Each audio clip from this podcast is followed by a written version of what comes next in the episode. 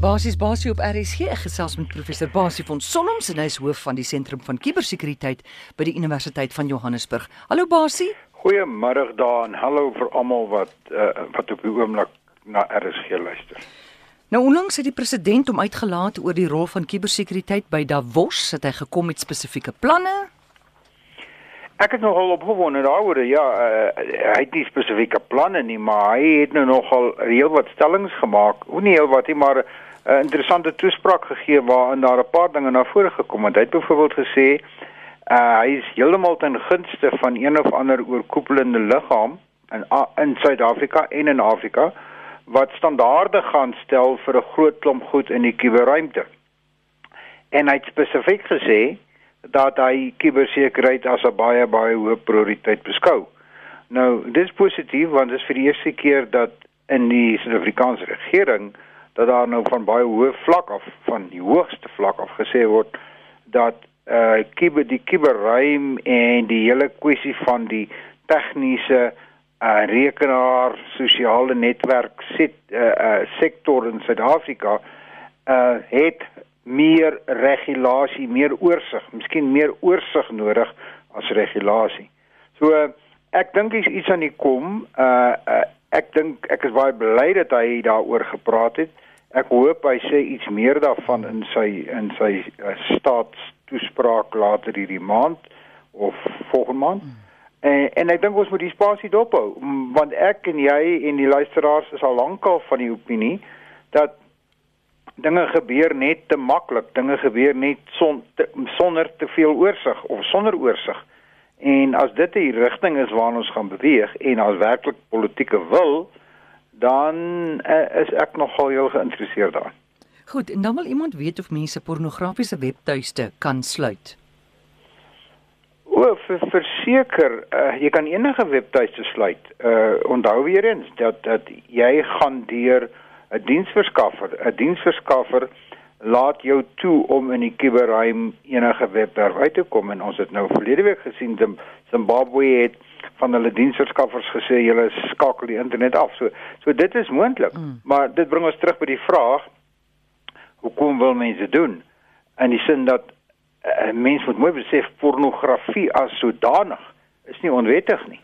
Kinderpornografie is onwettig en dis baie mm. baie ernstige oortreding. Dis ook onwettig vir uh, pornografiese webwerwe as in die, in die meeste lande as kinders onder 18 jaar na pornografiese webwerwe webwerwe aanskakel en na die pornografie kyk. Maar die feit dat 'n uh, uh, uh, volwasse na pornografie kan kyk is is is nie onwettig nie. Dis miskien nie aanvaarbaar vir baie mense, onder andere vir my ook nie noodwendig nie, maar dis nie onwettig nie.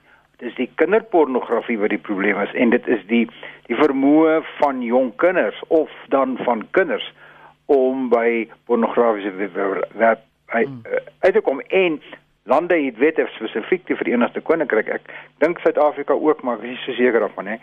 Ehm um, kan 'n webwerf kan 'n pornografiese webwerf sluit as hulle toelaat dat kinders onder 18 jaar na uh, na daai webwerf toe aanskakel. So is 'n is 'n wetlike saak eintlik eerder as 'n tegniese saak.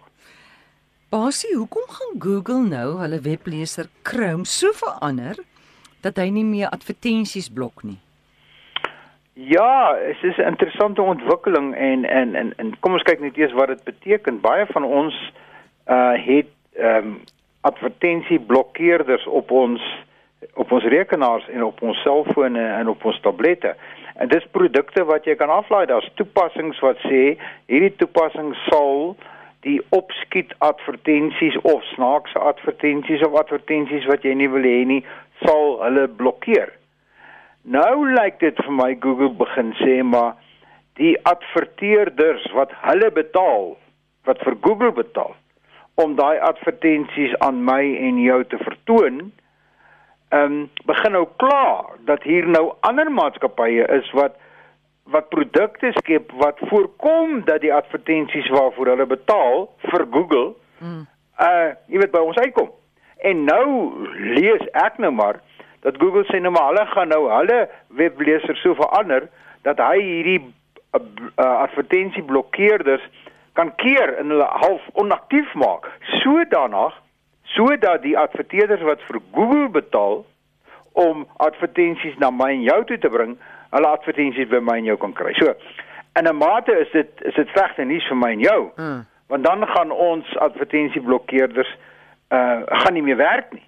So hoe ver die ding sal gaan, weet ek nie, maar ek dink ook nie dis so maklik vir Google om dit net eenvoudig te wil doen nie. Uh want daar's 'n groot massa mense wat hulle lewe maak daaruit op 'n tegniese ontwikkelingsvlak om sulke programme uh, programmatuur en sulke toepassings te skep. So ek dink ons moet maar kyk wat gaan daar gebeur, maar wat my uh, betref en mense het nie altyd al die feite nie, maar met Google het ek dink ek het mense maar 'n klomp feite wat miskien uh, subjektief kan wees. Hmm. Maar ek dink dis 'n gewone manier om uh, hulle advertensies meer by my en jou te kan uitkry wat ons in die eerste instansie in geval nie wou gesien het nie. Maar ek as verbruiker kan mos seker gaan na Firefox of Safari toe. Ja, Jy kan jy kan gewoon 'n ander webleser gebruik. Jy kan gewoon uh, uh nie Chrome gebruik nie. Maar nou nou is daar weer ander dinge wat wat wat Chrome, jy weet, lyk like my uh, Google doen so twee dinge. Chrome byvoorbeeld gaan jou nou meer help. Ons weet al het nou al advertensies, ag hulle het nou al fasiliteite wat vir jou sê maar hoorie, hierdie webwerf wat jy nou na toe wil gaan mag 'n uh, 'n nagemaakte of 'n vals webwerf wees. Wees versigtig. So hulle bou dinge in wat my en jou help om nie snaakse goed te doen nie. Hulle gaan ook byvoorbeeld vir jou nou begin sê maar hierdie webadres wat jy ingetik het is deur ons geïdentifiseer as 'n gevaarlike webadres. Wil jy regtig soontoe gaan?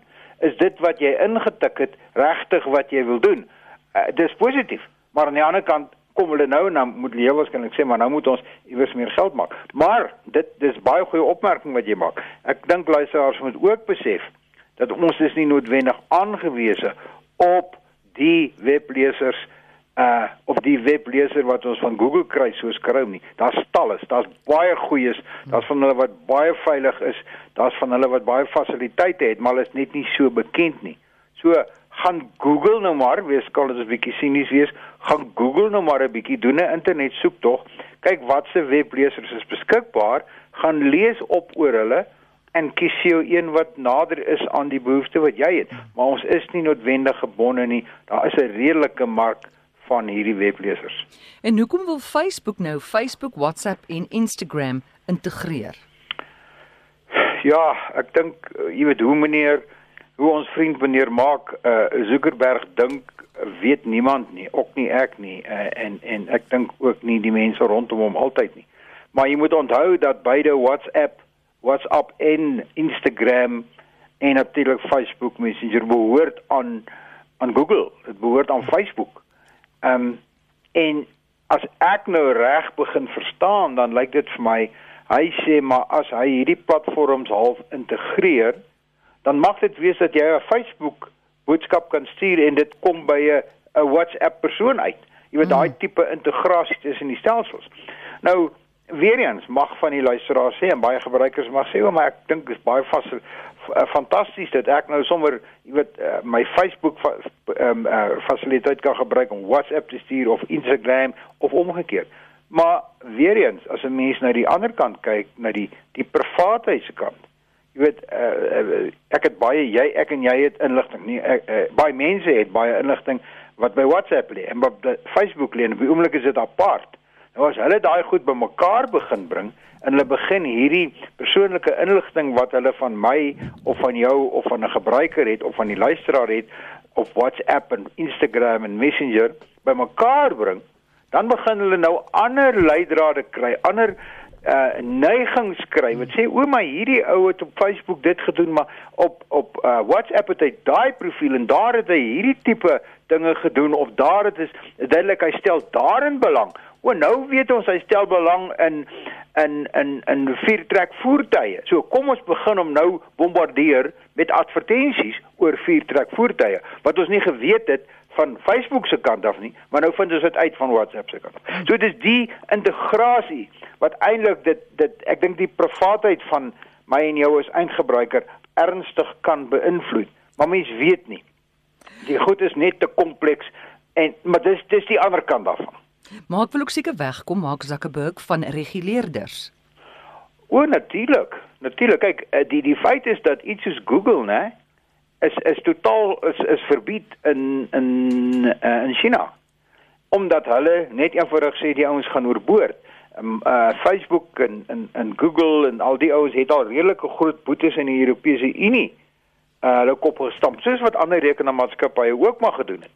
Maar hy hy wil en en dit is baie duidelik uit die uit wat met Facebook gebeur het met hierdie hele Amerikaanse verkiesing in die uh Cambridge Analytica skandaal waar waar inligting verkoop is en misbruik is en wat baie 'n uh, baie slegte klankie gegee het, amper 'n rot klankie gegee het uh aan aan aan hierdie sosiale netwerk dat hy wil hy wil of wegkom van hulle of hy of hy wil hulle van sy rug af hê.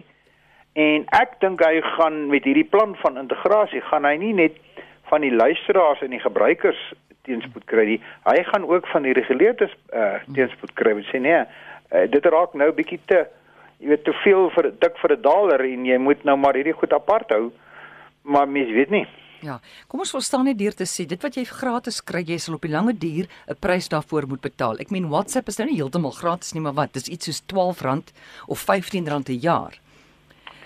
Dit dit is so goed soos dis verniet, maar ek meen Facebook is verniet, Instagram is verniet. So wees net versigtig wat jy daar plaas. Dis dis dis dis die eerste ding, dis versigtig wat jy plaas en onthou wat jy verniet kry, mm. moet jy aanvaar word vir jou verniet gegee. Daar daar's nêrens iets soos 'n gratis middagete nie. Mm. Dit weet ek en jy. So ons kry die goed gratis want hulle beskou ek vir my en vir jou as melkkoeie in die sin dat hulle hulle wil ons data hê en dan verkoop hulle ons data nou weer aan die adverteerders. Die adverteerders betaal vir hulle 'n uh, uh, sakvol geld om advertensies na my en jou toe te bring. So ja, ons gaan op 'n stadium kom en ek voorsien dit dat jy 'n uh, inskrywingsfooi, jy weet R12 of wat ook al is nou maar min, maar dat jy 'n uh, redelike fooi gaan betaal uh vir 'n fasiliteit soos 'n sosiale netwerk soos WhatsApp, maar dan is jy gratis en vry en jy weet jou data is baie veiliger ensovoorts nie veilig nie, maar veiliger tot 'n mate. So ons gaan moet begin aanvaar, ons gaan begin betaal vir die goed as ons dan so